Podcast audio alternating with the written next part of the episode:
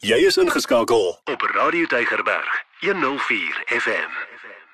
Baie welkom by ons weeklikse geselsie met 'n kliniese en pastorale terapeut Dr. François Swart en ons pak allerlei lewenskwessies sommer kaalvuis aan. Ons probeer daarvan sin maak met sy hulp natuurlik. En ons wil graag hê jy moet by 'n punt kom waar jy sê maar ek kies lewe. So Dr. François, soos altyd is ons vir jou tyd ewig dankbaar. Nou vandag wil ek praat oor 'n ding en dit is ydelheid of 'n mens se voorkoms. Nou Dr. François, as ons kyk in tydskrifte, glanstydskrifte veral op televisie, rolprente, dan is dit vir my altyd verbasend hoe hulle 'n persoon van skaars in die 40 miskien kan weergee as 'n ouer met 'n kind van 27. Jy weet dis vir asof media en die wêreld 'n obsessie het daarmee dat 'n mens vir ewig jonk moet lyk. Van die fotos en tydskrifte weet ons word gemanipuleer. Nou is my vraag vandag. Wanneer vat 'n mens ydelheid te ver? O, dis 'n lekker onderwerp wat ons vanmiddag het, uh, Lorraine. En ek dink die, die luisteraars soos wat hulle daar sit en soos wat ons praat oor hierdie onderwerp. Eintlik is 'n kwaai woord, maar hoe voel jy oor mooi? Hoe voel jy oor estetika? Hoe voel jy oor die skepping uh, wat die Here vir ons gegee het? En dan uh, veral ehm um, ouens wat werk aan alle liggame, Ons vrouens wat hulle elke oggend mooi maak, ons wat hare kam, ons borsel ons tande, ons versorg ons lywe. Daar's talle gimnasiums waartoe mense toe gaan en oefen op 'n gereelde basis. En jou vraag gaan oor wanneer word dit te wanneer word die grense oorskry? En dan het ons nog die mediese wetenskap ook wat al hierdie wonderlike dinge kan doen as jy nie heeltemal tevrede is met jou neus nie, dan kan hulle iets aan jou neus mm. doen en as jy nie, nie goed voel oor jou oogwimpers nie, dan kan jy ook 'n klompie goedes doen. Deesdae sien ek ons meisies het het ekstra lang oogwimpers. en en dan as gelowiges moet ons eintlik oor hierdie onderwerp gesels. Ek dink ons moet as gelowiges sê Die Here het ons mooi gemaak. En my ouma het altyd vir my gesê o, mooi en lekker kan jy nie strei nie. En dit is so dat die modewêreld bepaal baie keer vir ons wat is mooi. Mm. En ek moet eerlik vir jou sê, ek het al gekyk as hulle nou kies wat is mooi. Ek weet nie of dit noodwendig vir my mooi is nie. En lekker dieselfde storie. Die belangrike ding is dit gaan oor rentmeesterskap en wat doen ons met ons kennis wat ons het, wat die wetenskap vir ons gee?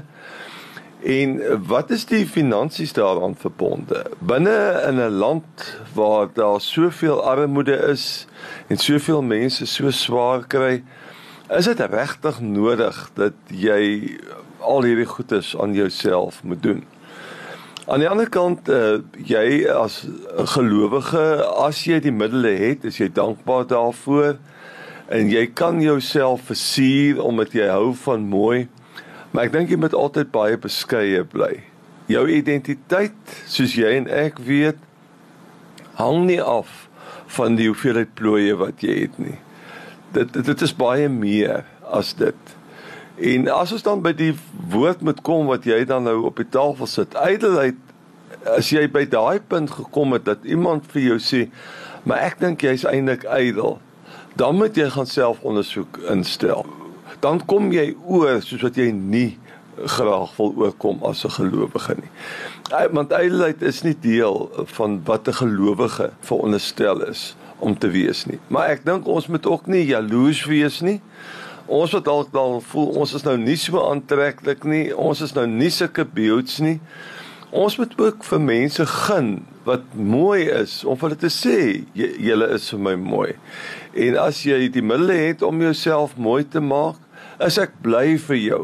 As daar een ding is wat ek dink baie keer in Suid-Afrika wonder ek, is ons regtig nog bly vir mekaar. En as iemand regtig geluk kan vind rondom die saak van mooi maak, hoekom gun ons dit nie vir so 'n persoon nie? Moet ek noodwendig jaloers wees daarop? Ek dink die laaste ding wat ek sou wou sê is Iemand het dit een keer gesê en ag ek het nou geen probleem met mense wat hulle tatoeëer in so aan nie. Maar die persoon het net laat val en gesê jy weet 'n uh, 'n Porsche het nie 'n stiker nodig nie. Nou ek het ook maar net gelag daaroor. Uh nou stiker hier en daar dink ek is is ook mooi. Maar die persoon probeer sê wees vergenoeg. Mm. Aanvaar jou soos jy self is. Besef jy word oud. Die Engelse sê word oud gracefully. Mm. Uh maar ek dink dat ons bietjie uh, ou lipstifie kan aansit en dat ons onsself bietjie kan mooi maak en ons hare bietjie kan platdruk met goedjies wat ons meer kan plak. Dis alles deel van die genietinge van die lewe en dit hoef nie noodwendig in ydelheid op te eindig nie. My gas in die ateljee vandag weer Dr. François Swart. Hy's 'n kliniese en pastorale terapeut en ons gesels met jou vandag oor ydelheid, as ons dit dan nou maar so moet noem.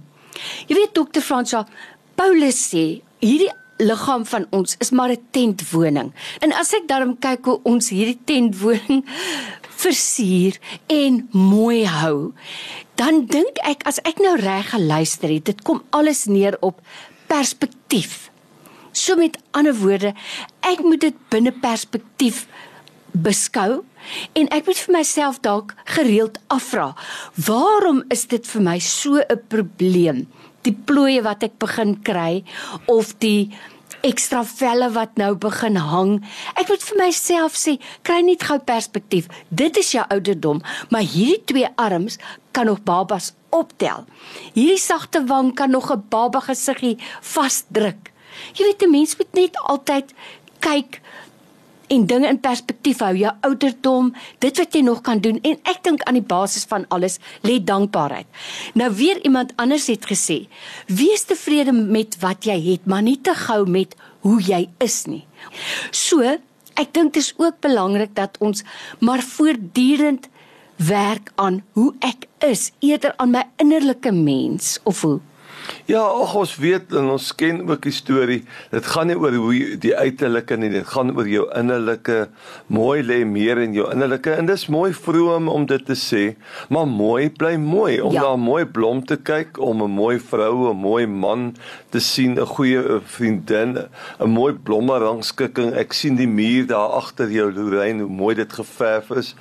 Uh, ons is estetiese mense. Ons hou van mooi en mooi is deel van die skepping. En ek dink ons moet dankbaar wees daarvoor en ons moet dit vir mekaar gun. Ek was nou net verlede week in Swaziland waar ek goed moes gaan doen het.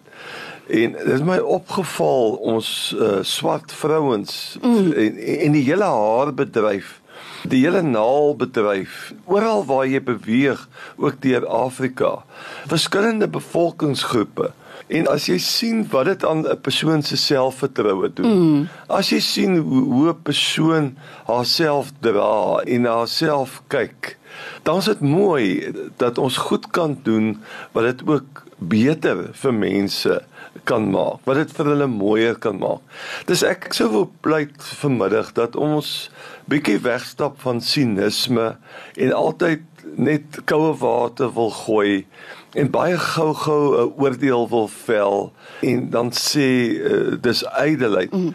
maar om jouself netjies te maak met die middele tot jou beskikking as jy die middele het wees beskeie daaroor wees dankbaar daaroor die ding rondom die onderwerp as jy begin arrogant raak oor wie jy is mm. dit is vir my amper erger as ydelheid en as jy dink eh, dit is die belangrikste in die lewe dan dink ek soos wat ons ouer word, bly die innerlike, maar die belangrikste waaraan ons die heeltyd moet werk. Sjoe, Dr. François baie belangrik en ek dink 'n mens moet ook onthou dat sekere beroepe vereis van 'n mens om langer mooier te lyk of goed meer goed versorg te lyk.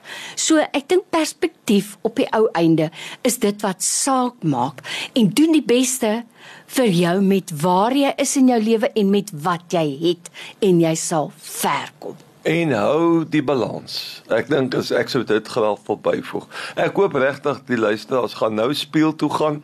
Uh uh Lorraine op hulle self mooi maak. Ons groet tot volgende week. Totsiens. Totsiens al die luisteraars. Elke dag jou nommer 1 keuse. Radio Deugerberg 104 FM.